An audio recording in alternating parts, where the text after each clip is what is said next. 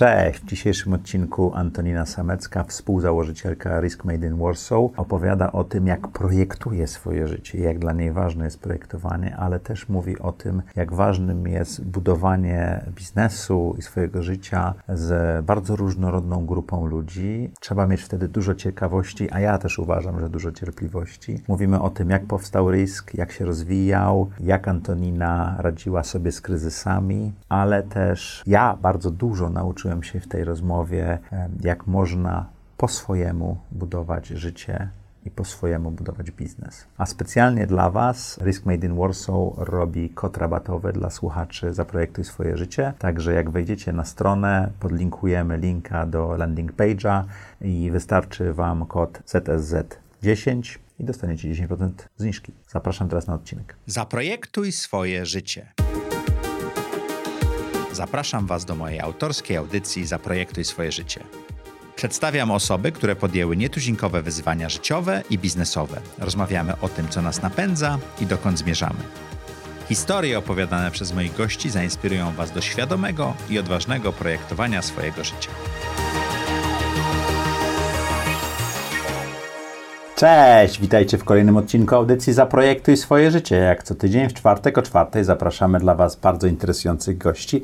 Jeżeli jesteście tutaj pierwszy raz, tam na dole jest guzik subskrybuj i dołączcie do naszych e, fanów, będzie nam bardzo miło. Jeżeli jesteście tutaj częściej i ten odcinek Wam się spodoba, to oczywiście Wasze komentarze jest tym, z czego mamy wiele radości, dzięki czemu żyjemy. Na Apple Podcast Wasze komentarze wpychają nas regularnie do pierwszej dziesiątki podcastów w Polsce, YouTubie. Powoli też tam dążymy. Dzisiejszym gościem jest Antonina Samecka. Witamy, witamy Cię Dzień bardzo dobry. serdecznie. Risk Made in Warsaw, supermarka, znana już chyba na całym świecie. Dziękuję za miłe słowa na starcie. Mhm. Dziękuję, że zgodziłaś się przyjść. To był bardzo długi proces zapraszania, ale w końcu udało mi się skusić Ciebie, żeby porozmawiać o Tobie, za co bardzo Ci dziękuję. I takie klasyczne pytanie na początek dla każdego gościa. Jak wyglądało do tej pory projektowanie Twojego życia? Bardzo metodycznie. Jezu, jak ja lubię takich gości, którzy przyznają się, że projektują. Ponieważ ja jestem córką e, matematyka i filozofki hipiski, to bardzo potrzebuję e, planu, w którym potem mogę sobie improwizować. Czyli najpierw musi być wyznaczony plan, a potem można szaleć, tak? Tak, tak. Strategia 3 lata, 5 lat, 166 zadań rocznie, każdy wypisane. Brakuje tam tylko Excela, Masz ale mam go w głowie. 166 zadań rocznie wypisanych. Nie, to już żartuję. Porównałam do strategii firmy. Ale rzeczywiście jest tak, że ja mam taką konstrukcję, że zawsze na parę lat do przodu wiem, co chcę, co, jak tam trzeba dojść i zwykle raz na rok, ale też co miesiąc robię taki rachunek, co mam zrobić w związku z tym, czego nie robię. Wszyscy się ze mnie śmieją w pracy, bo ten tryb stop, start, continue to jest coś, co ja bardzo wprowadzam zawsze. I stop jest ważnym słowem w tym, I prawda? stop jest bardzo ważnym, continue jest bardzo ważnym i start również. Ale ba- stop kluczowym. Ale, ale bardzo często start jest tym, co- na co wszyscy zwracają uwagę i Tak, chcą tak. robić coraz więcej nowych rzeczy. Tak, stop właśnie jest naj, naj, najoporniejszy zwykle. Tak. No my tutaj mamy w audycji często takie dyskusje, że czy w tym miesiącu moglibyśmy nie mieć nowych pomysłów, tylko spróbować zrealizować to sprzed pół roku. Tak. To tak bywa. Powiedz, bo ty pracowałaś w wydawnictwie. Mhm. Czego ta praca ciebie nauczyła? Najwięcej nauczyła mnie ostatnie 7 lat, kiedy pracowałam na amerykańskiej licencji w magazynie InStyle, którego już w Polsce nie ma. To jest pismo dla kobiet, było pismo dla kobiet, ono w Stanach jest numer jeden. Konstrukcję tego pisma wymyśleli, wy- była zrobiona przez ludzi z, z Timesa, w związku z tym, mimo że to wyglądało na błahe treści o modzie, urodzie, błahe treści o błahych sprawach, to było to bardzo precyzyjna, przemyślana konstrukcja lubisz precyzyjne, przemyślane konstrukcje. Lubię, lubię logiczne, tak. Bardzo pilnowana, bardzo. To jest taka chyba jedna z niewielu polskich gazet, ga- była niewiele z polski, jedna z niewielu polskich gazet, której licencjonodawca bardzo dbał o to, żeby wyglądała tak, jak e, Stanach. on sobie życzy, tak. Na każdej stronie, na wszystkim. Więc to mi dało taki, tak, taki warsztat, którego pewnie trudno jest ze szkoły w Polsce. W ogóle trudno go, go mieć pewnie ze szkoły. To, Ale to ja współpraca z licencjonodawcą, czyli z Timesem, czy też ta wiedza o tym, jak to się robi, wcielanie tego. i dlaczego się robi? Tak, tak. I tam wszystko jest z jakiegoś powodu. Pomysł na każdą rzecz, na każdy podpisik, na każdy, e, nie wiem, podmiot tego podpisiku, wszystko jest przemyślane. Aż tak? Mhm. A długo byłaś? 7 lat to jest długo, prawda? Długo, tak. Znaczy byłam od początku aż do Riska. W sensie mhm. od numeru zerowego aż do... Aż do pomysłu na biznes. Tak. To skąd pomysł na biznes? Ja wtedy prowadziłam tam dział urody i, i robiłam jakieś wywiady z celebrytami, ale zagranicznymi. Mhm i pisałam o modzie i studiowałam italianistykę i wciąż miałam jednak za dużo wolnego czasu, bo to był taki etap, w którym lubiłam mało spać i bardzo dużo pracować. Klara, która jest moją wspólniczką, ostatnio mi powiedziała, że ona w ogóle tego nie rozumiała, że o każdej porze dnia i nocy zawsze można było do mnie napisać. Ja zawsze od razu odpisywałam. Czy miałeś e... telefon przy sobie 24 godziny na dobę? Rzeczywiście bardzo mało spałam i bardzo cały czas potrzebowałam coś robić. Okej. Okay. Więc y, kiedy pojawił się pomysł, który w ogóle nie był pomysłem na biznes, tylko na hobby, w sensie tu się uczę, tu, tu pracuję, to może jeszcze sobie coś porobię, tak dla przyjemności. Zaproponowałam to Klarze i zaczęliśmy to robić. Ale to, to, był twój pomysł? No, to był mój pomysł jako start, natomiast już mm, jako realizacja to już wspólne dzieło. Mhm. A skąd ten pomysł się wziął? Pamiętasz ten moment? Bo to takie, szukamy takich zakrętów pamiętam, w życiu. Pamiętam, ponieważ pisałam o, o modzie ciągle, co, co numer, tych numerów jest 12 w roku. Są te oczywiście dwa takie główne numery, w którym się opowiada o trendach, mm, bla, bla, bla. E, no ale jest te 10 pozostałych numerów, kiedy trzeba napisać, Coś. w skrócie, już to oczywiście teraz e, spłaszczam, ale w którym trzeba napisać, jak w tym roku nosić jeansy, trench, białą koszulę, małą czarną i że są te wszystkie klasyki i co z nimi robić i jak je łączyć z trendami. Bla, bla. No i ponieważ już któryś raz to robiłam, bo przedtem też pisałam w różnych pismach o modzie i urodzie, to tak do mnie doszło, że jest jedna rzecz, o której troszeczkę odklejony od rzeczywistości odzieżowej, faktycznej świat mediów, nie zau, nie, której nie zauważył, czyli ta szara bluza z kapturem, którą wszyscy mieliśmy wtedy w szafach, chyba dalej mamy, ale 10 lat temu ja miałam chyba 10 tych bluz i, mhm. i było tak, że naprawdę jak chcesz się wyluzować, przyjść po pracy, to zakładasz sobie tą szarą bluzę z kapturem. Miałam tak, Jesus, przecież jest taki klasyk, dlaczego nikt nie pokazuje, jak go nosić? A ponieważ zawsze lubiłam się ubierać w bardziej takie precyzyjne krawiectwo i taką odzież, która e, ma krój, a niekoniecznie jest nie prostą bluzą, to postanowiłam to połączyć i, i dać tym ubraniom, które, no, które cię w jakiś sposób pętają, upupiają, e, pozbawiają cię mocy, bo są niewygodne, bo są, nie wiem, nie twoje. Zwykle dlatego, że są niewygodne, w sensie marynarki, białe koszule dla kobiet zwłaszcza są często niewygodne, bo nie uwzględniają biustów i tak dalej, ale pewnie dla mężczyzn również. Ja trzech lat dwa razy miałem garnitur na sobie, no od pięciu, przepraszam, to jest bardzo wyzwalające. Garnitury właśnie też, marynarki, te wszystkie jakieś koktajlowe sukienki, wszystko to postanowiłyśmy uszyć z e, elastycznego materiału szarego, melanżowego, z którego się szyje właśnie szare bluzy z kapturem. I to było dla wielu osób odkrycie, że mogły w jakiś sposób przechytrzyć dress code, że mogły założyć marynarkę, absolutnie. Czyli byli w dresach, tak. ale wyglądali ładnie. Tak, ale tak? to miało krój marynarki. Mieliśmy fraki, no jakby bardzo dużo różnych rzeczy. Pokaz sukni ślubnych kiedyś zrobiliśmy z tego dresu na Stadionie Narodowym, że rzeczywiście jakby ten dress code, on się teraz bardzo rozluźnił. Już nie jest tak jak 10 lat temu.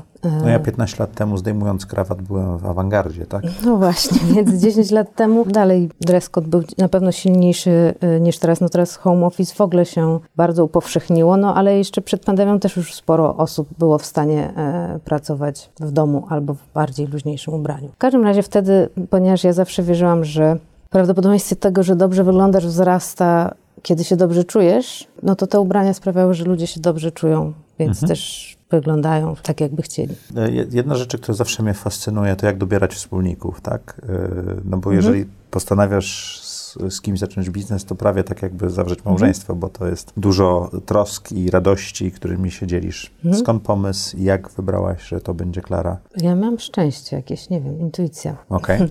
znaczy, pomysł, bo mi przyszedł do głowy pomysł na, na, na Riska w klasycznym sposób, czyli w wannie, w sensie klasyczny moment, kiedy jesteś odcięta od wszystkiego, więc masz czas się ponudzić i pomyśleć i to była wanna. No i my żeśmy z Klarą miały jakąś tam różnicę zdań w wyniku której postanowiłyśmy na rok od siebie odpocząć. I następnego dnia spotkałyśmy się i Klara e, dała mi w prezencie t-shirt, który miał serce i naszyte ręcznie i metkę, gdzie było wyszyte dla Antoniny. Ja tak miałam, no kurczę, no przecież skoro ja mam pomysł na biznes i jakieś tam mikrofundusze, a ona umie szyć, no to trzeba to połączyć. No ale się okazało, że ja nie mam wystarczających funduszy, a Klara nie znosi szyć, więc y, w międzyczasie wiele się przyformułowało y, założeń. Y, musiałyśmy znaleźć krawcowe i inne takie historie. Klara też dołożyła mm, kasę, więc... Ale same sfinansowałyście biznes na początku? Tak, całe 30 tysięcy włożyłyśmy w niego do dzisiaj. Jest cała, cała inwestycja? Cała. Uwielbiam takie biznesy. Czyli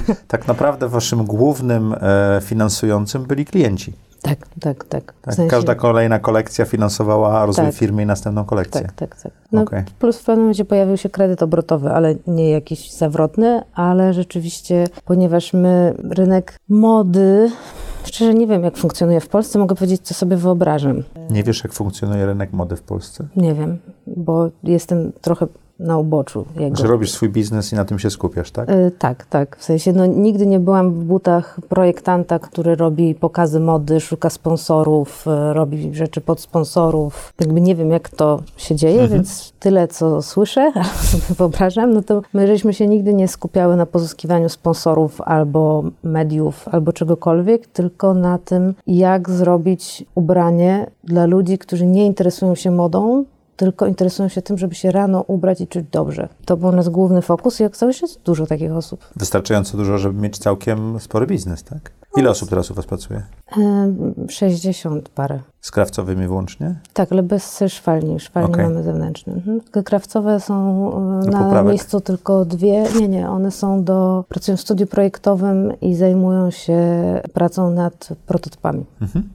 60 osób. Mhm. To już nie jest mała firma ja uważam, że jest cały czas mała. No dobrze, a w ilu, krajach, w ilu krajach sprzedajecie? To, to jest ciekawa historia, bo my sprzedawaliśmy faktycznie w wielu i byliśmy na Zalando i w wielu miejscach. Tam w pewnym momencie w rok byliśmy w 12 sklepach w Finlandii, ale potem chyba w 2015, czy nie pamiętam już, który to był rok, no mieliśmy taką czkawkę cashflowową typową dla biznesu, który się rozwija za szybko, mhm. bo B2B te... Mm, Płatności są później. Mhm.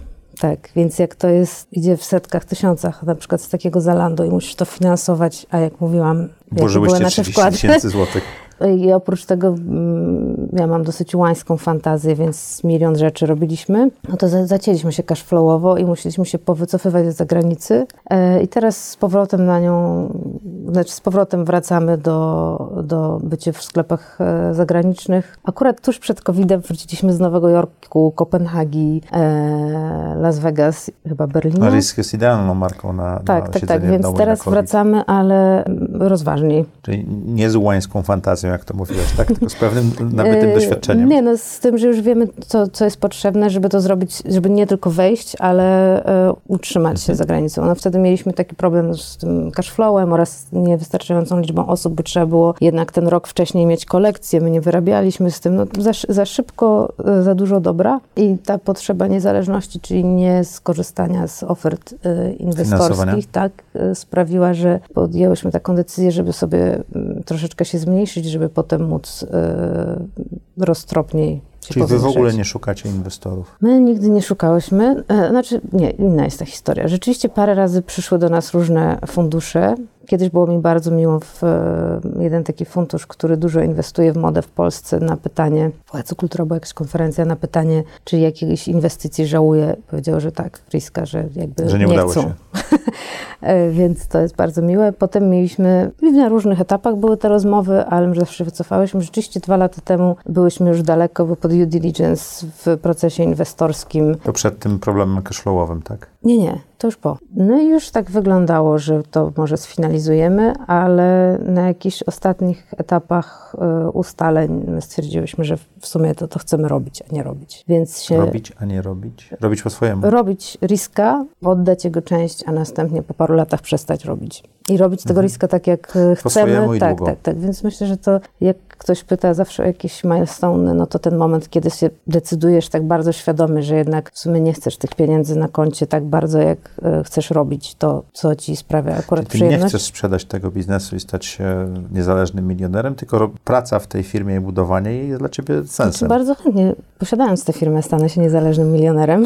Tak, tak, ale, ale to, to będzie przy okazji przygody prowadzenia tej drogi. Na tak? razie jesteśmy w tym miejscu. Nie wiem, gdzie będziemy za 10 lat, ale Mhm. teraz zdecydowanie jesteśmy tam. Potem jeszcze na takiej fali e, miałyśmy parę spotkań, no bo już wszystko było zrobione, już dostałyśmy kontrolę z ZUS-u, no jakby wszystko Mhm. było, więc e, można, można było to mm, kontynuować, ale, ale po raz kolejny nas doszło, że, że jednak nie. Też sposób, w jaki risk funkcjonuje jest e, tak bardzo nieszablonowy i trudny. Że dla- inwestorowi mogłoby być trudno, nie? że jest ewidentnie trudno odnaleźć się i nam w tych oczekiwaniach, i pewnie inwestorowi w tych ryzykach, które my podejmujemy. W sensie kolekcja żydowska, kolekcja LGBT, kolekcja z erotycznymi, y, roznegliżowanymi y, szkicami jego na Chile. No tego jest za dużo dla y, osoby, która chce wy mieć lubicie prowokować, prawda?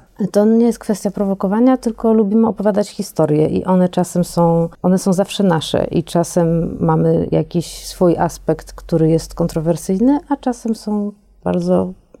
No ale- Bo robiłyśmy też sesje, w sensie robiłyśmy też kolekcje dla ciężarnych man. W sensie naprawdę mamy tak jak...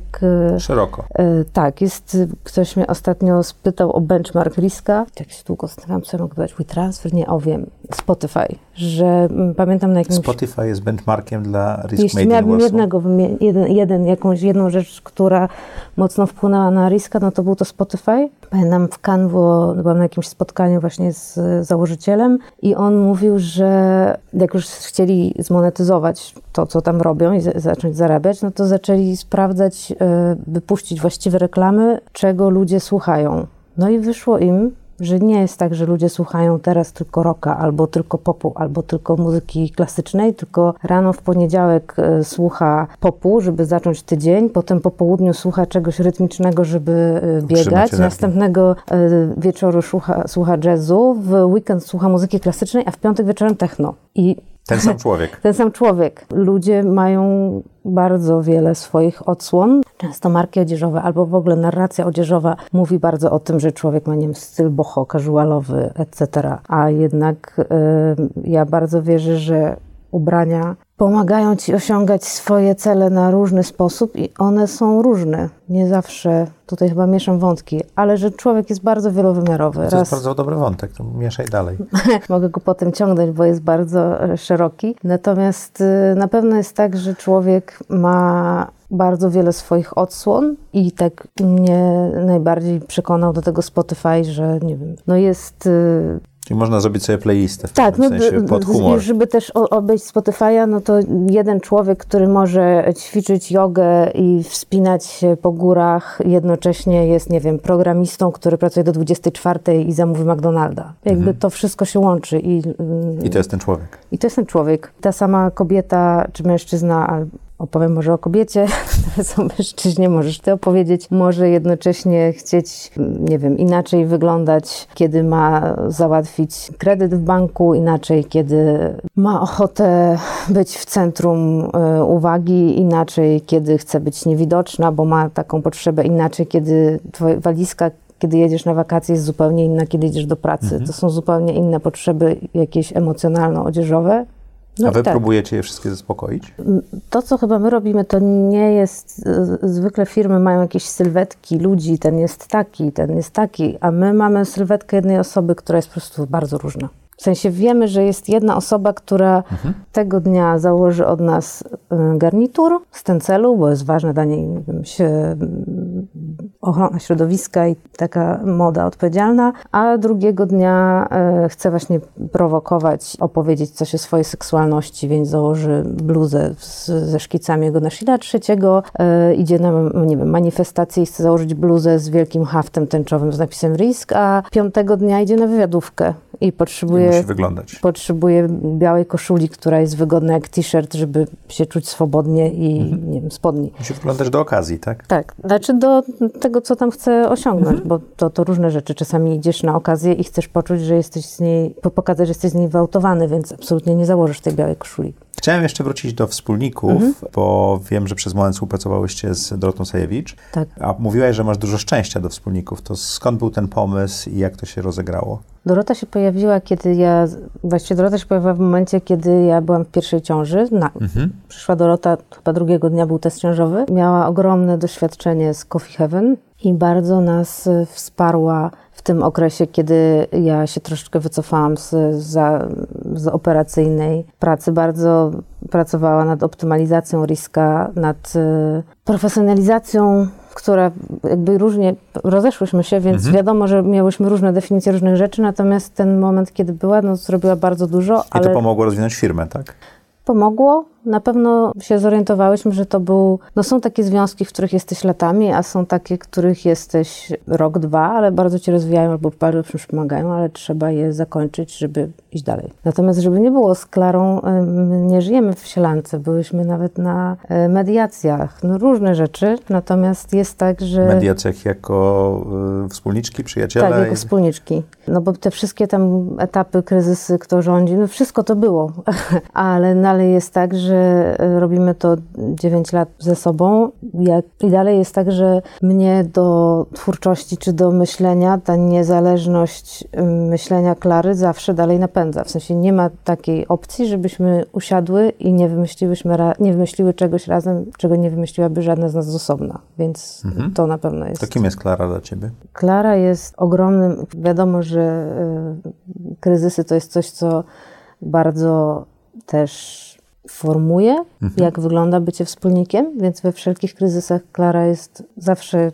Bardzo się wspieramy i nie wiem, nigdy nie obwiniamy, tylko wychodzimy z kryzysów razem. I jest bardzo charyzmatyczną, inspirującą osobą. Myśli zupełnie inaczej niż ja, co jest źródłem wielu ciekawych rzeczy i wielu drażniących. Natomiast przede Równocześnie. wszystkim- tak, natomiast przede wszystkim ciekawych i jest zawsze otrzeźwieniem. Klara ma tak, że jest nieprawdopodobnie niezależnie myślącą osobą i cokolwiek by się nie działo i cokolwiek kto by nie myślał albo uważał wszyscy w danej sali, to Klara jest tą osobą, która powie, ej, ej, to jest bez sensu. W sensie nie róbmy tak, że jest zawsze na takim, ma taki tryb kwestionowania, no i ogromnej sprawczości. Ale też jest tak, że ja bardzo biznesowo opieram się na czymś, co się nazywa w judaizmie Hawruta. Hawruta, Żydzi nie, nie, nie, nie biorą tak jak chrześcijanie po prostu Pisma Świętego, okej, trzeba tak robić, idziemy, tylko zupełnie inny na to sposób, stąd karty kredytowe, bo przecież nie można było używać pieniędzy w szabas, że biorą treść i muszą ją studiować e, grupowo. Co najmniej dwie osoby, które zajmują się interpretacją tekstu i one muszą mieć różne perspektywy. Czyli na przykład nad urbanistyką Warszawy mm, wspólnie pochyliliby się, pochyliłby się urbanista z taksówkarzem i dopiero wtedy wyjdzie coś tak No naprawdę tak ciekawego. Talmud też się interpretuje i uczy z niego, prawda? Właśnie. I ja staram się w życiu mieć tak, by obok mnie była inna perspektywa, ale zainteresowanie tą samą rzeczą. No i my z to z Klarą mamy, że jakby no, nie ujednoliciły nam się perspektywy, ale cały czas jesteśmy zainteresowane tym, żeby robić riskę w sposób ciekawy. I to, że one są różne, jest siłą riska prawdopodobnie, tak? Tak. I to, że potraficie się komunikować i nie pozabijać w tej komunikacji, też Ale jest siłą. przecież próbowałyśmy tyle raz się zabić.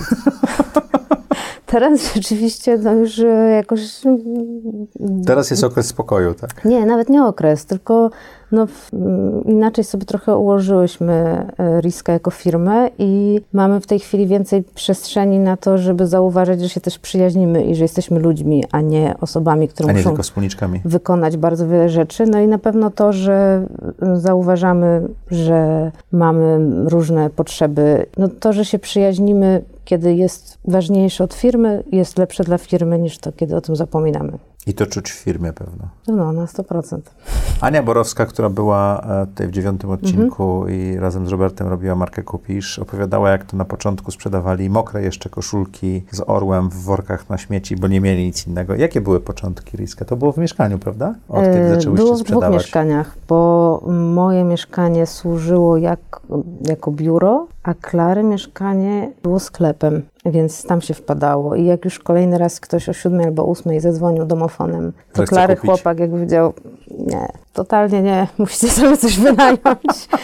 No i wtedy już e, wynajęłyśmy dosyć szybko to miejsce, w którym jesteśmy e, do tej pory. Wtedy pierwsze, chyba drugie, drugie, drugie piętro wynajęłyśmy jako pierwsze. Ale jeśli chodzi o worki, to nie, my już miały obsesję brandingu.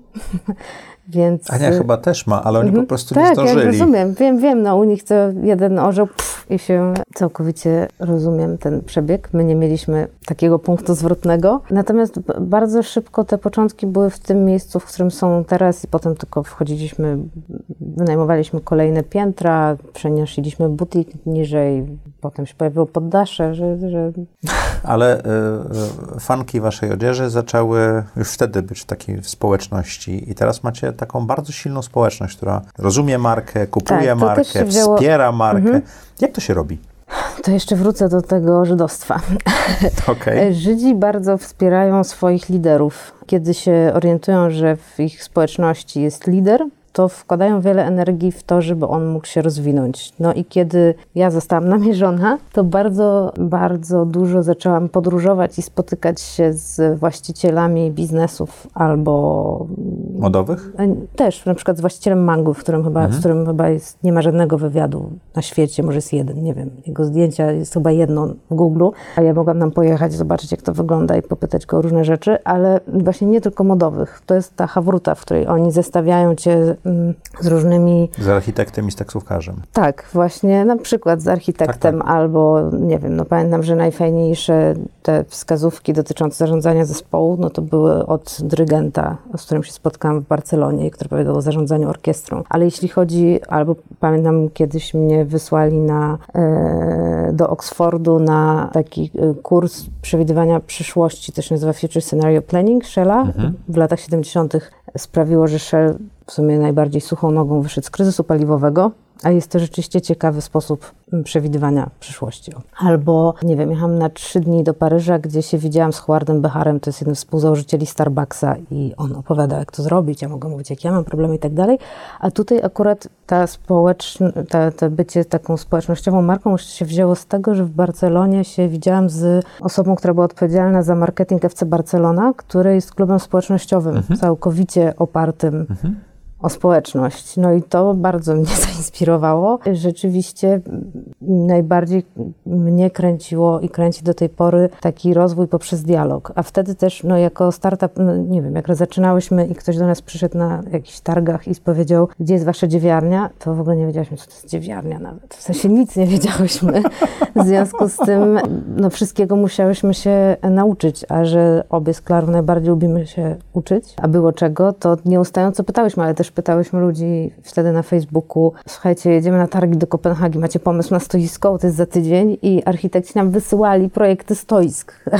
Ale jak w tydzień się robi stoisko z projektu? E, no mówiłyśmy, ej, no nie mamy nic, co coś. No to A, wydruk, jakby wymyślali, jak to zrobić, żeby to było szybko. spektakularne. Nie pamiętam, czy to był tydzień, czy to był miesiąc. Mogłam tutaj trochę podkoloryzować, ale rzeczywiście było tak, że zadawałyśmy pytania wszystkie. Ej, ktoś wie to, a może to, a może to. Do swoich klientów. Tak, więc rzeczywiście to i potem się dowiedziałyśmy od Sachi, że jesteśmy love marką. I rzeczywiście dostałam tę książkę o love markach. To...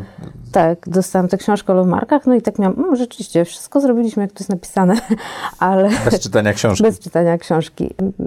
Więc po prostu ludzie współtworzyli to z nami, bo my potrzebowaliśmy pomocy. O. Ale też byłyście otwarte na słuchanie, prawda? Tak, tak, no tak. Byliśmy otwarte na słuchanie, mówił, kto ma coś, lep, kto ma jakiś... Co to jest dziewiarnia? Na, na lepszy pomysł, to jest dziewiarnia.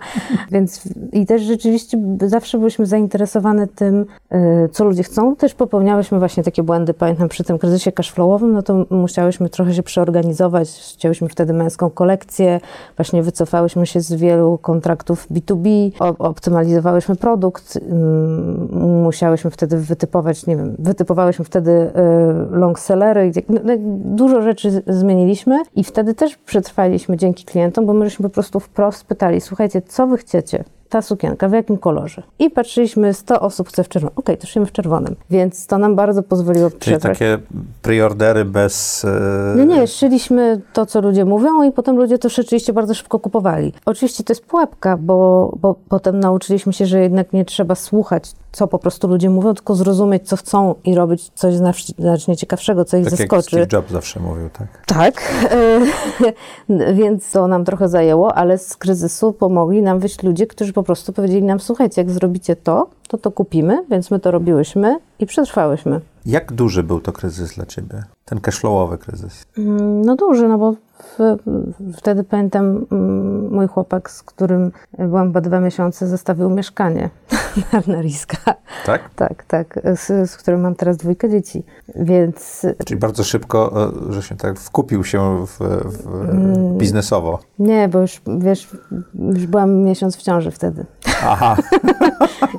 I, e, no w każdym razie, no był taki typowy przetrwaniowy, ale potem mieliśmy jeszcze jeden. Teraz się staramy jednak inaczej zarządzać. E, Czego uczą cię kryzysy? No mnie nauczyły tego, że ja bardzo lubię kryzysy, bo jestem dobra w wychodzeniu z nich, więc staram się e, teraz nie korzystać z tej umiejętności. Czyli używasz tych lekcji o planowaniu przyszłości, tak? E, też nie, ale że rzeczywiście jakby kryzys to jest to, kiedy mm, ja mam taki fokus i dokładnie wiem, co trzeba zrobić. Siadasz i robisz. z niego wychodzę i mogę na po prostu... A dalej śpisz mało godzin i pracujesz nie, nie. jak szalona? Już, nie, już, już nie? Nie, nie, nie. Też kryzysy mnie nauczyły tego, że trzeba podzielić jednak inaczej firmę i jeżeli ja lubię strategię i ciągle nowe rzeczy i wszystko inaczej, to jednak potrzebuję też jakiegoś wizjonera optymalizacji. Mamy go teraz i... i... kto jest wizjonerem optymalizacji? Wizjonerem optymalizacji jest Jacek Podczaski, który mhm. przedtem 30 lat był prezesem mm, wielu firm, rozwijał między innymi panoramę firm, z takich rzeczy, co wszyscy znają. My w ogóle Risk jest dosyć ciekawy, bo tam pracują ludzie od 20, pewnie nawet mniej, do prawie 70 lat, e, więc jest... I to nie ma znaczenia?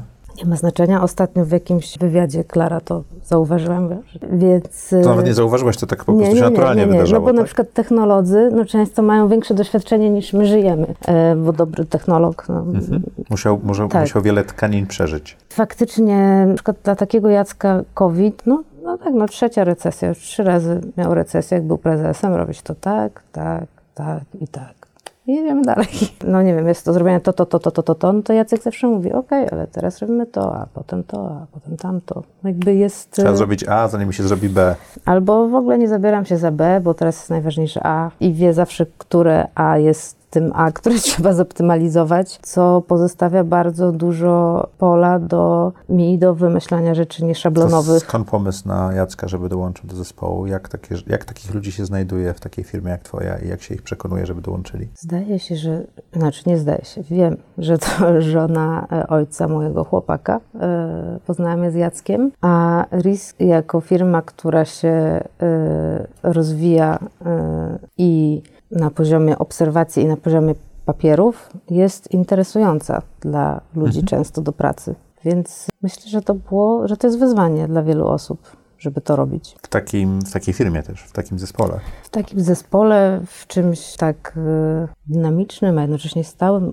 Można zaprosić Jacka i spytać. jednocześnie stałym. Jak, no. Jaka kultura mhm pracy jest To jest bardzo ciekawe. Ostatnio mieliśmy z Wydziału Socjologii, który jeszcze był wtedy instytutem, ale już jest Wydziałem Uniwersytetu Warszawskiego, mm, badanie paromiesięczne, w którym badali naszą, została, była badana kultura riska. Tak się złożyło, że trzeba było to zrobić e, w trakcie COVID-u, więc e, dodatkowo było to ciekawe doświadczenie. A to uwypukła kulturę tak, tak, taki tak, kryzys, tak, tak. prawda? No i to, dlaczego ja się zdecydowałam zaproszenie socjologów do nas, było, powodem była właśnie ta hawruta, czyli to, że y, ja bardzo zestawiam skrajnie różne y, osoby w risku, co sprawia, że jest bardzo wiele kultur pracy i co z tym zrobić i co oni uważają. Mhm. No i oczywiście wyszło, że jest wiele kultur pracy.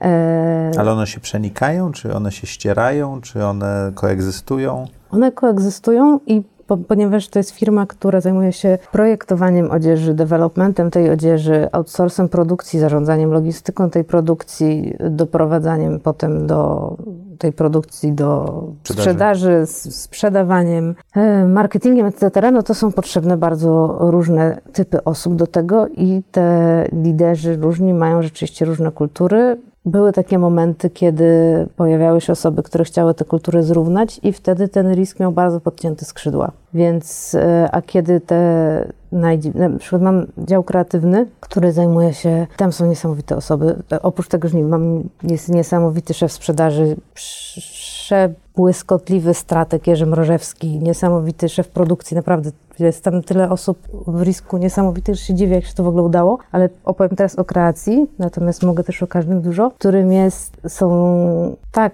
skrajnie różne osoby i artyści, że też każda moja próba jak się można domyśleć, ciążowa, próbowania, kiedy próbowałam, żeby ktoś inny się opiekował kreacją.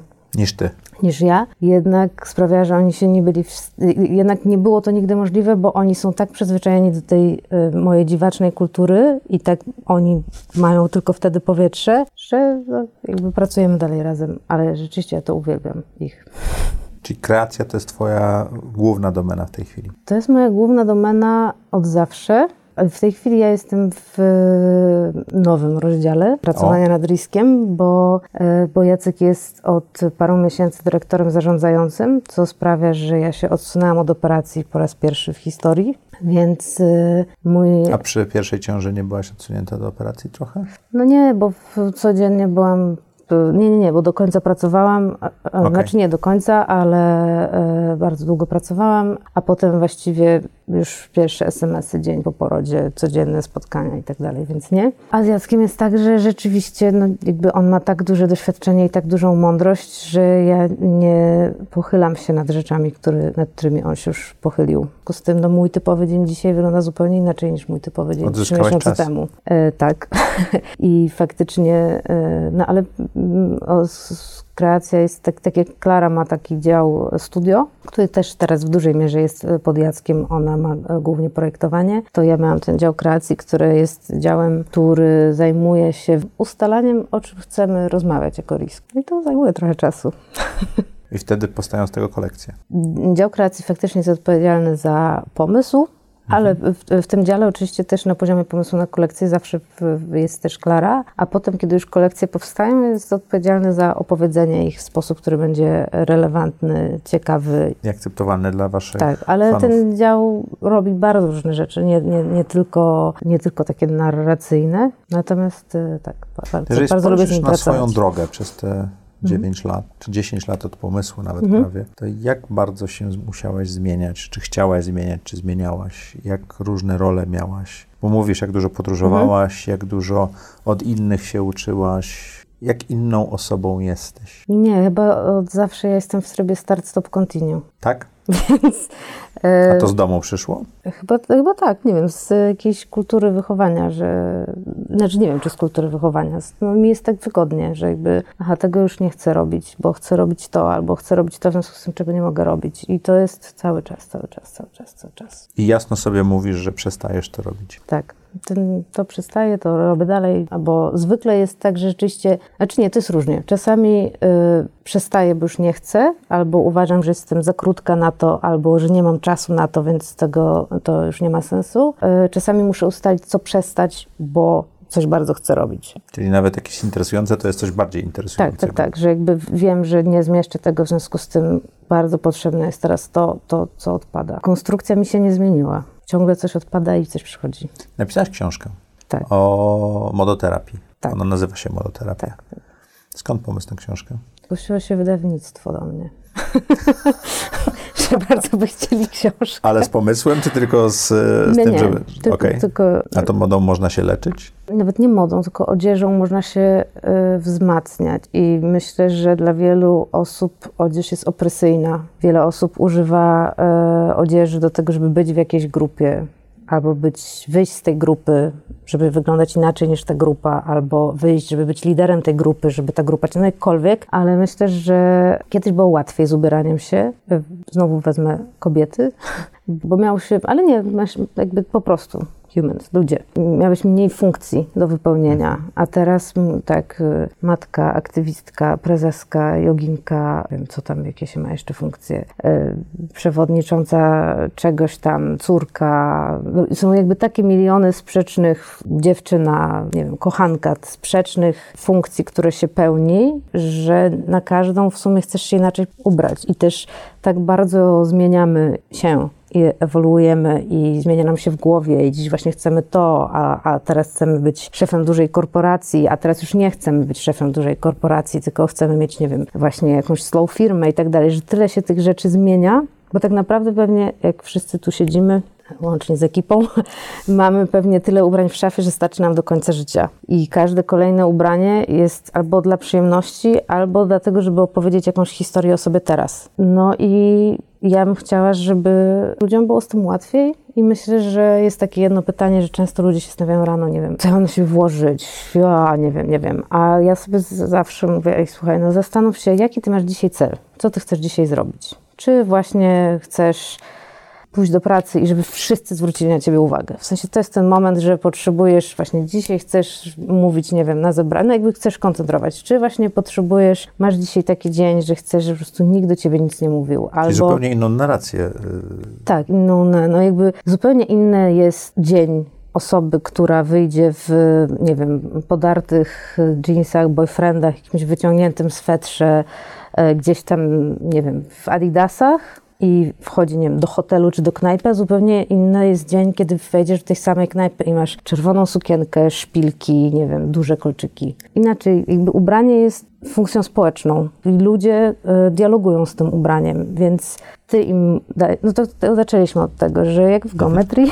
wrócę do tego zdania, jest y, przez jeden punkt przychodzi nieskończenie wiele prostych i możesz nieskończenie wiele opowiedzieć o sobie historii. I ty tym ubraniem decydujesz, tak, ubraniem decydujesz, jak będą mówili do ciebie inni ludzie. I możesz chcieć, żeby dzisiaj mówili tak, a możesz, żeby tak. Możesz chcieć, żeby w, w banku załatwić coś, albo nie załatwić. Możesz, nie wiem, no, jakby ty decydujesz, jaką historię będziesz sobie tworzyć tym ubiorem. I oczywiście jest masa osób, które e, jest w stanie, niezależnie od tego, co mają na sobie, wszystko, albo w jednym ubraniu opowiedzieć siebie. I to jest ekstra, ale często wielu osobom to ubranie jednak pomaga. No i ja bym bardzo chciała, żeby niezależnie od tego, czy postanawiasz dzisiaj grać rolę, nie wiem, przedsiębiorcy w związku z tym z sukcesem, więc y, założysz wszystkie ubrania, które pokażą, y, że jesteś y, zaradny finansowo nie wiem, u mężczyzn zegarek czy coś takiego, no jak opowiesz to wszystko. No, ja bym bardzo chciała, żeby ludzie opowiadając te historie sobą i wzmacniając się tą odzieżą, robili to jednak bardzo po swojemu. W Dolinie Krzemowej jest takie bardzo znane przysłowie, że mężczyźni w garniturach wyglądają, wyglądają imponująco, dopóki nie dowiemy się, że pracują dla e, osób w t-shirtach. Tak? Mhm. No jest też, było jakieś takie badanie, w którym wyszło, że prezesi firm i menadżerowie najwięcej pomysłów wymyślają w drodze do robienia kawy w domu w piżamie. No i ja bym chciała to już jako risk, nie jako autor książki, żeby wszystkie ubrania były wygodne jak piżama, żeby się jakby niezależnie od sytuacji mógł wpaść na ten najlepszy pomysł. W ciągu ostatniego półwiecza kupujemy 4 do 5 razy więcej ciuchów. W krajach europejskich mhm. było badanie i to zależnie od kraju, od 10 do 20 ciuchów było kupowanych ubrań mhm. e, rocznie, a teraz jest to między 40 a 60 e, takich elementów kupowanych przez każdą mhm. osobę rocznie. Czy takie aplikacje jak Vinted i Less Twoim zdaniem będą miały e, pozytywny wpływ na, na ten trend, czy dalej będziemy kupowali coraz więcej? Ja jestem wielką fanką takich aplikacji. Zacznę no Les jest polską mhm. aplikacją. Dawid Urban tam zainwestował. Mm. Mamy nadzieję go gościć. Na pewno, kiedy wiesz, że możesz sprzedać, to łatwiej ci się kupuje. A. Ubranie, które wiesz, że możesz potem sprzedać. No ja bym bardzo chciała, żeby ludzie kupowali mniej ubrań, ale... Jesteś w biznesie, w którym sprzedajesz ubrania. Tak, chciałabym, żeby kupowali e, mniej ubrań, które są jednorazowego użytku, tylko raczej takich, które założą 50 albo 100 razy. Jestem wielką fanką e, Ariany Huffington, która chodzi, e, chyba poszła na Oscary jedne i drugie na przyjęcie po nich w tej samej sukience rok po roku i ciągle wkłada hashtag repeat, repeat, repeat i pokazuje, żeby chodzić w tym samym... E, bo dobrze w tym wygląda też. No też, bo jak zakładasz coś nowego, po prostu się zastanawiasz, ale czy to dobrze, ale nie, nie, nie wiem, czy się w tym dobrze czuję, a jak zakładasz ubranie, w którym wiesz, że się dobrze czujesz i wszystko jest w porządku, no to dużo lepiej w takich sytuacjach yy, stresujących, nowych, nie wiem, jakichkolwiek funkcjonować. Ja bym chyba to, co jest dla mnie bardzo ważne w odzieży, to to, co mówiłam, że z mojej perspektywy odzież się głównie kupuje dla przyjemności, różnie tam rozumianej, ale w tej mhm. chwili, no bo mamy tej odzieży już dużo i y, ja bym chyba bardzo chciała, żeby ludzie sprawiali sobie przyjemność bez krzywdzenia czegokolwiek innego. Czyli nie kupowali ubrań, które są z fabryk z wyzysku, które są farbowane chemią, która niszczy przyrodę. W sensie, żeby to opanować. Po prostu nie kupować ubrań, które ty ty sobie zakładasz, żeby się poczuć fajnie, a ktoś inny miał naprawdę duże zło przez to. Aplikacje pozwolą dłużej żyć wielu ubraniom, więc to jest świetne, ale bardziej by mi zależało na czymś. Bardzo kocham te aplikacje, żeby nie było. Natomiast bardzo by mi zależało na jakiejś, może użyję mocnego słowa, propagandzie, ale na takim zrozumieniu przez ludzi, co się dzieje, kiedy kupuję t-shirt za 5 dolarów, 2 euro, cokolwiek. Była kiedyś taka maszyna... Który zużyto 200 litrów wody, żeby go wyprodukować, tak? No znacznie więcej. Tak? tak, tak. Okay. Na jeansy idzie 10 tysięcy litrów wody, to nie wypijesz tyle w ciągu... 10 tysięcy litrów idzie na parę jeansów. Tak, tak, tak. Bardzo Minimum. się cieszę, że noszę bardzo stare jeansy w takim tak. razie więc y, ponad 10 tysięcy. No to tam, nie wiem, oszczędzamy wodę, jak myjemy yy, Zęby, tak. włosy tak. czy cokolwiek, a wystarczy nie kupić jednej pary jeansów i już by było dobrze. Wystarczy nie zjeść jednego steka i to też robi olbrzymią Chyba tak. 500 gram wołowiny to jest 11 tysięcy litrów wody. Ale nie wiem, czy czytałaś, e, w Polsce spadło spożycie mięsa tak. o 20%. Ja jestem weganką, więc bardzo mnie to cieszy. Jestem flexitarianinem, tak. W większości jestem weganinem. Mhm. Więc bardzo mi zależało na jakiejś takiej propagandzie, żeby to zrozumieć i był kiedyś takie, mój vending machine, taki automat mhm. E, w, chyba w Berlinie, o ile pamiętam, gdzie mogłeś sobie kupić t-shirt za 2 euro i ludzie podchodzili, wrzucali te dwa euro i wtedy wyświetlał im się film, jak powstawał ten t-shirt i jak hardkorowo jest w tej fabryce i jak y, mamy muszą odsyłać dzieci na wieś do jakich rodzin, bo nie mają... Nie brali tego t-shirta, czy nie No i teraz miałeś decyzję, te dwa euro chcesz przeznaczyć na charity, żeby tak nie było, czy kupić ten t-shirt? Nikt nie kupił tego t-shirtu. Więc y, pamiętam też taka chyba American Apparel, ale mogę coś przykręcić, ale wydaje mi się, że to oni e, mieli jakieś e, ogromne kłopoty, jak odkryto, że oni szyją chyba w Chinach, albo mhm.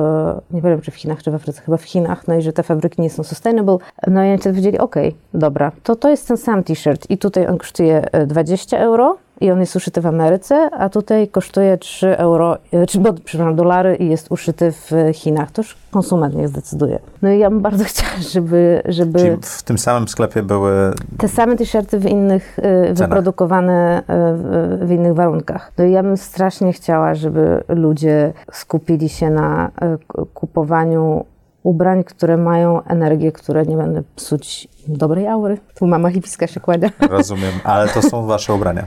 Tak, tak. To są też nasze ubrania, ale jest wiele bardzo marek, które stara się to robić e, dobrze i w Polsce też jest ich masę. Czy nie wiem, oprócz Riska naprawdę dużo osób robi to dobrze. Czy są dziewczyny, które robią, nie wiem, bałagan buty, czy Nago, która też od początku jest marką sustainable. Jakiekolwiek ubrania, tylko żeby one były z szacunkiem od momentu przędzy, że wiesz, że to jest przędza z, nie wiem, certyfikowanych lasów, e, jeżeli to jest wiskoza albo bawełna, no cokolwiek. Wiesz, że to my na przykład używamy, teraz przeszliśmy 20, taki główny materiał, który używamy w 20% jest z recyklingu e, innych materiałów postprodukcyjnych itd., tak itd. Tak no ale mi by bardzo zależało, żeby no tak jak, nie wiem, moja córka przestała jeść mięso po tym, jak się dowiedziała, że trzeba zabić zwierzę, żeby zjeść mięso. Mhm. No i, Miałem tą dyskusję w domu. Tak, i ja bym bardzo chciała, żeby, żeby ludzie chcieli wiedzieć, a nie udawali, że nie wiedzą. I wydaje mi się, że mi, mi się też bardzo to wyostrzyło rzeczywiście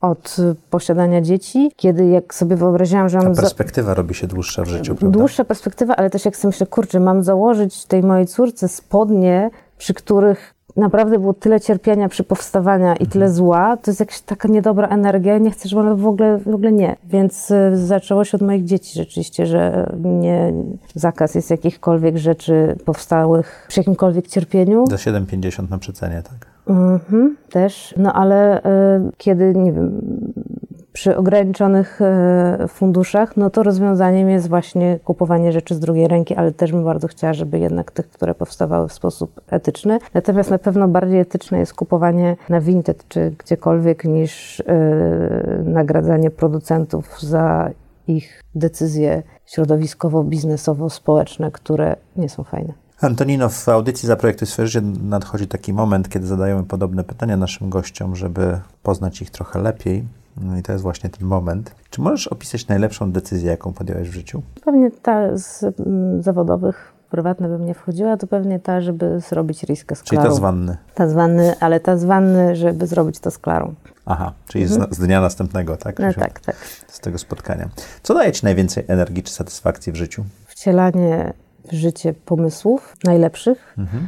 i rzeczywiście mm, robienie rzeczy, których nikt jeszcze nie zrobił. Ale nie w Polsce, tylko na świecie. Co daje Ci praca na swoim? Teraz na przykład, a propos Zaprojektuj, będziemy udostępniać, będziesz kupić wykroje do naszych ubrań i żeby sobie Czyli taka uszyć burda sam. z lat 80. Tak, i możesz właśnie niekoniecznie mm, chcesz wydać pieniądze na nasz wysiłek produkcyjny, no to możesz kupić wykrój, uszyć to samemu. To też wydaje mi się bardzo I demokratyczne. wybrać sobie materiał. Wybrać sobie materiał, też dajemy instrukcję, jak wybrać dobry, ale nie ma marki odzieżowej, która zrobiła to na świecie. To bardzo kucharskie podejście jest. Bardzo odważne. O, uwielbiam takie. Co daje Ci praca W ogóle na uwielbiam ten moment, e, kiedy coś robimy, czego nikt nie zrobił. Patrz, co się wydarzy. No to w ten sposób buduje się trendy na świecie, prawda? Tak samo mieliśmy właśnie z kolekcją żydowską. Pamiętam, że mnie bardzo dużo ludzi od- ostrzegało, żeby Dlaczego jej... Cię ostrzegało? No, że stracimy wielu klientów i że nie wolno takich rzeczy robić. A tak straciliście klientów? No nie wiem, może straciliśmy, ale ja nie chcę mieć klientów antysemitów, więc e, Okej. Ale te spodnie Rysk Oj, tak, z napisem, Mhm. e, że za każdym mądrym chłopakiem e, Stoi- żydowska dziewczyna, Mhm. e, to jest wasz hit sprzedażowy, prawda? tak był. Teraz ich akurat nie mamy, ale Okej. to było, uwielbiam tę kolekcję. Jej w filmie, do którym oni opowiada, wystąpił Rabin Szudrich, który też pamiętam, jak się wzruszyłam, jak powiedział, że my dla Żydów w Polsce robimy super roboty, ale gdybyśmy nie zrobili tej kolekcji, która miała premierę właśnie w starej synagodze, na nocy synagog, no to ja nigdy nie zaczęłabym podróżować, nie napisał o nas New York Times. W sensie to są takie rzeczy, które e, robisz, bo bardzo chcesz, a potem nagle Niespodziewane konsekwencje, tak, tak? tak, tak. Więc Eksploduje świat wokół ciebie Pamiętam, jak- pozytywnie. kuratorowaliśmy, to jesteśmy hmm, tutaj, no i e, w Ince mieszkał Tyrmand, a my kuratorowaliśmy w Muzeum Literatury wystawę o Tyrmandzie. E, no i jaka firma odzieżowa to robi? No po prostu Mhm. trzeba być szalonym. I jeszcze ja powiedziałam, że tam był budżet, a ja spytałam, czy jeżeli my to sfinansujemy, to będziemy mogli robić co chcemy? Tak, to to wiadomo. To robimy coś, Co robimy, co chcemy, tylko powiedzieć, gdzie możemy wbijać gwoździe. Pamiętam, był tam między innymi na podłodze, zaznaczyliśmy taśmą taki, oczywiście to wszystko było e, fajnie konceptualnie wyglądało, nie, że tylko taśmą zaznaczony fragment z jakimś cytatem Tyrmanda, który pokazywał, jak mały był jego pokój w Imce, w którym mm, Mieszkał. mieszkał, tworzył i robił wszystko i to było szokujące, no bo pewnie byś tam się zmieścił, to jest chyba połowa tego, co tu jest. A tutaj nie jest bardzo dużo. Tak, więc ta wystawa, którą kuratorowaliśmy o Tyrmandzie, w ramach happeningu zrobiliśmy tam, przebraliśmy paręnaście osób za, w takie ubrania, które były bardzo tak jakby, tak jak się nosił Tyrmand i jak nosiły się dziewczyny, które mu się podobały i które go otaczały i które go inspirowały, ale wszystko to uszyliśmy z szarego dresu. Aha. E, No i nagle następnego dnia właśnie mamy bardzo dużo nosina z e, literatek w Polsce od największych, no strasznie dużo. No ale właśnie wtedy kolejne osoby wysłały nam, nie no, muszę mieć tę sukienkę, literatkę, muszę mieć to, muszę mieć to. Potem nagle pojawiliśmy się w, na Vogue.com, też jeszcze nie było Voga w Polsce, bo ktoś zobaczył tę spódnicę w Kopenhadze. My ten happening zamieniliśmy na kolekcję, bo ludzie strasznie chcieli to nosić, a to było naprawdę Czyli to, dziwne. było, to był w ogóle happening To zupełnie był nie, happening, nie nie. biznesowy, nie? Nie, nie, nie. Tam, był, tam zrobiliśmy jam session, gdzie grał, gdzie śpiewa Aga Zarian, ale też muzycy jeszcze z czasów Tyrmanda i młodzi improwizatorzy też potem mówili, że właściwie nikt nie zrobił takiego jamu, żeby wszystkich połączyć. Że to firma odzieżowa, muzeum literatury, o co chodzi. O co chodzi, tak. No ale nam bardzo zależało na oddaniu tej miłości do jazzu i tego właśnie funkcji, jakiej miał w tym momencie y, Tyrman. Ale wracając, też była to jakaś rzecz, no, którą Antosia chciała zrobić, bo musiała. I, najbardziej lubię takie rzeczy. Zresztą ja mam w ogóle zasadę, żeby w tygodniu parę rzeczy słuchać albo robić, które mnie totalnie nie interesują, bo... I zmuszasz się, czy znajdujesz taką energię, żeby wyjść ze strefy komfortu? Nie, nawet nie ze strefy komfortu, no tylko, tylko no ten Picasso zrobił ten mhm. kubizm, bo chodził na wykłady o geometrii i coś mu się tam przestawiło, tak? No ale nie wiem, teraz idę to tutaj... To Jobs, który zrobił fonty, dlatego, tak, bo, że kaligrafię poszedł. Tak, tak, tak, tak. No ale idę tutaj i sobie myślę, a może coś posłucham inspirującego, co ja tam, a siedzę teraz w tym i w tym. Nie, to tego już nie będę słuchać, bo pewnie mnie spytasz, to i tak mam tutaj coś do powiedzenia, co wezmę. O, New Yorker zrobił podcast o poezji. Dobra, posłucham co mi do poezji to była akurat poezja związana z rasizmem teraz i tym, z tą sytuacją, co się dzieje teraz. E, no ale oczywiście milion rzeczy mi się tam zrodziło, więc ja się staram... Ty, ty łączysz kropki. Tak, łączę kropki, ale staram się dużo kropek dostawiać, które, o których nie mam pojęcia. Więc, e, no i wpadam w takie cugi, w sensie teraz, dobra, to jest świetne i tam drążę to parę miesięcy i drążę, i drążę, i drążę. I, potem, I z tego wychodzi coś. Tak, i potem znowu ta liczba paczek z książkami i wszystkiego, co do mnie przychodzi na szpitalną, myślę, że może być zatrważająca y, dla obserwatora.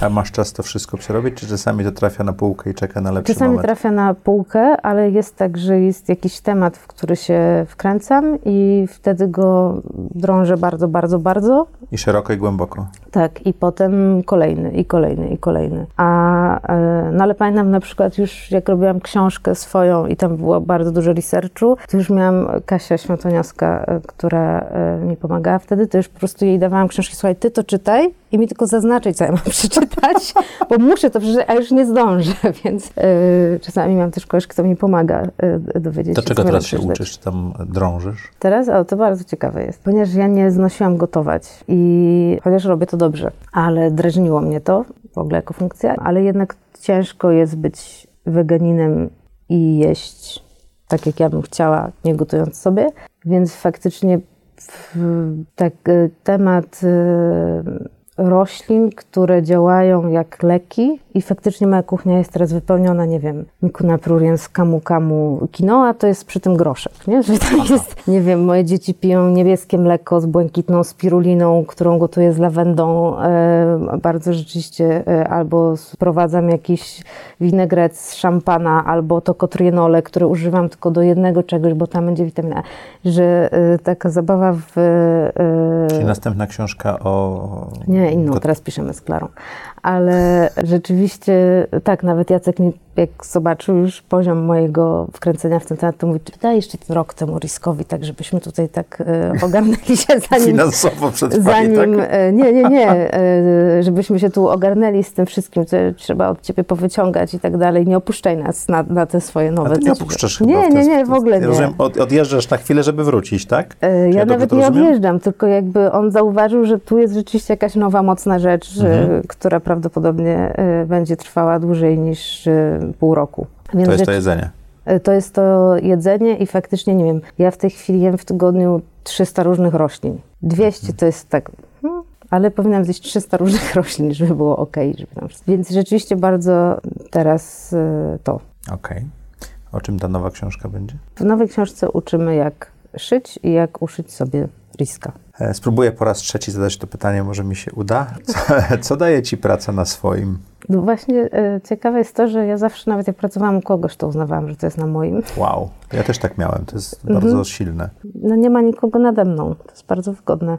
Mhm. A ja nie mam problemu z odpowiedzialnością, bardzo ją lubię, więc w żaden sposób mnie to nie obciąża, a jest dla mnie bardzo, y, dla takiej osoby, która potrzebuje móc przestawiać zwrotnicę, mhm. to jest wygodne. Czy mogłabyś przestać teraz coś robić, co dałoby ci e, więcej energii albo podniosło mhm. twoją samosatysfakcję, samopoczucie? To tak jak mówiłam, przestałam nie, właśnie parę miesięcy temu e, zajmować się operacjami Riska, bo uznałam, że, że to mnie tak spala, a też nie chcę, jestem tu takim artystą jak Jacek, takim mhm. wizjonerem właśnie Jesteś optymalizacji i że to mm, spala mnie, marnuje Riska, a można to zrobić dużo lepiej nie mną. Więc myślę, że z ogromną korzyścią dla Riska nie, y, nie zajmuję się wieloma rzeczami, którymi się zajmowałem jeszcze pół roku temu. Trzy rzeczy, które chciałabyś robić za trzy lata to?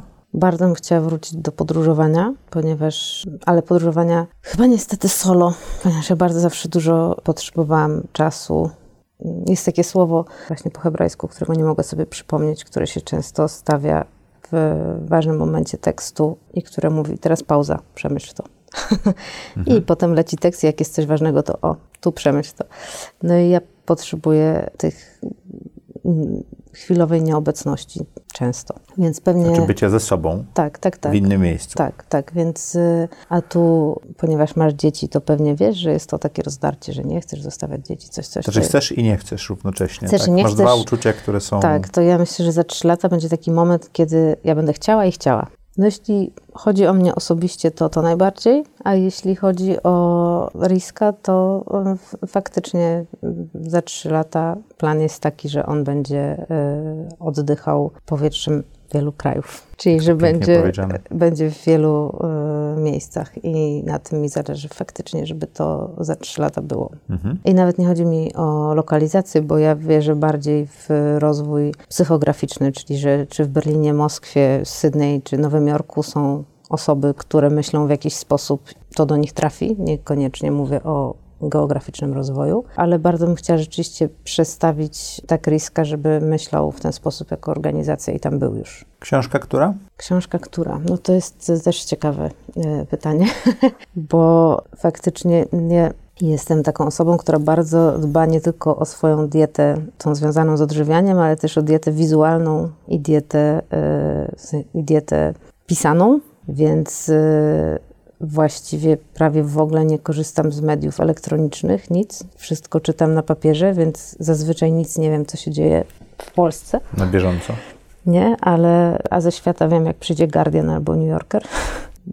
więc ja czytam głównie książki i rzeczy papierowe. I są, no i oczywiście mogę powiedzieć, nie wiem, świetna książka Patrick Melrose, którą teraz wszyscy przeczytali i rzeczywiście jest bardzo e, mocną literaturą współczesną, ale też, nie wiem, ja bardzo lubię wszystko, co pisze Alain de Botton. Faktycznie połykam kolejne jego książki. To jest taki filozof codzienności, który założył coś, co się nazywa School of Life, czyli szkołę życia, w której faktycznie kiedy zastanawia się, mm, zastanawia się nad e, status anxiety, jak to powiedzieć, e, no taką obawą, Niepewność, niepewnością, niepewnościami, czy takimi, e, no niepewnościami, czy tak, takim stracholękiem, nie wiem jak to powiedzieć, no, tak, taką może mhm. niepewnością siebie związaną ze statusem, czy seksem, czy o tym, jak myśleć więcej o ćwiczeniach, czy jak być możliwie najmniej beznadziejnym rodzicem i tak dalej. Że rzeczywiście no, on bardzo lubi Schopenhauera i stoików, ale stara się pokazać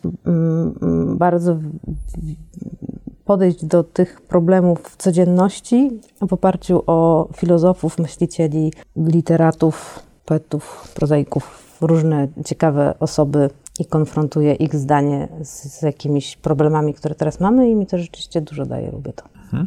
Jaką masz supermoc? Podobno przewidywanie przyszłości. Ale na Ale poziomie.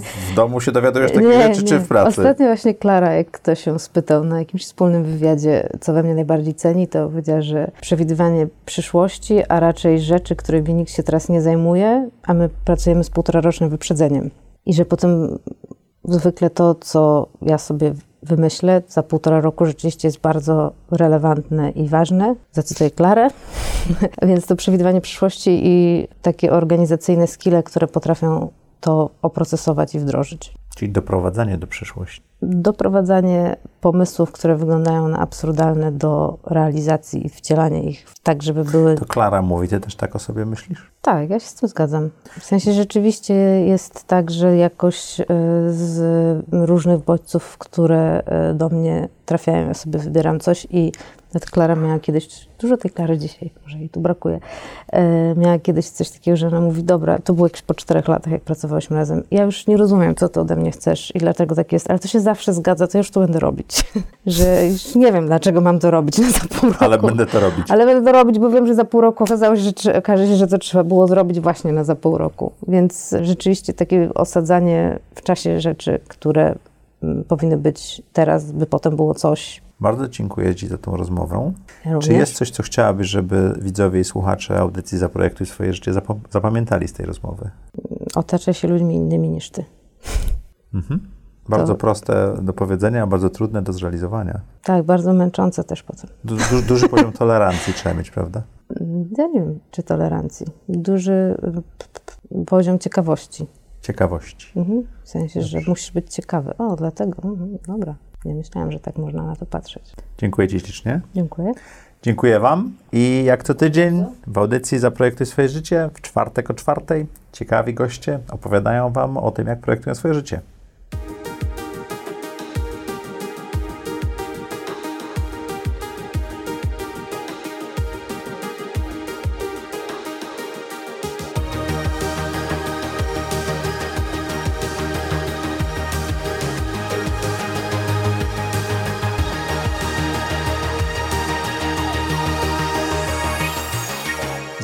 Zaprojektuj swoje życie.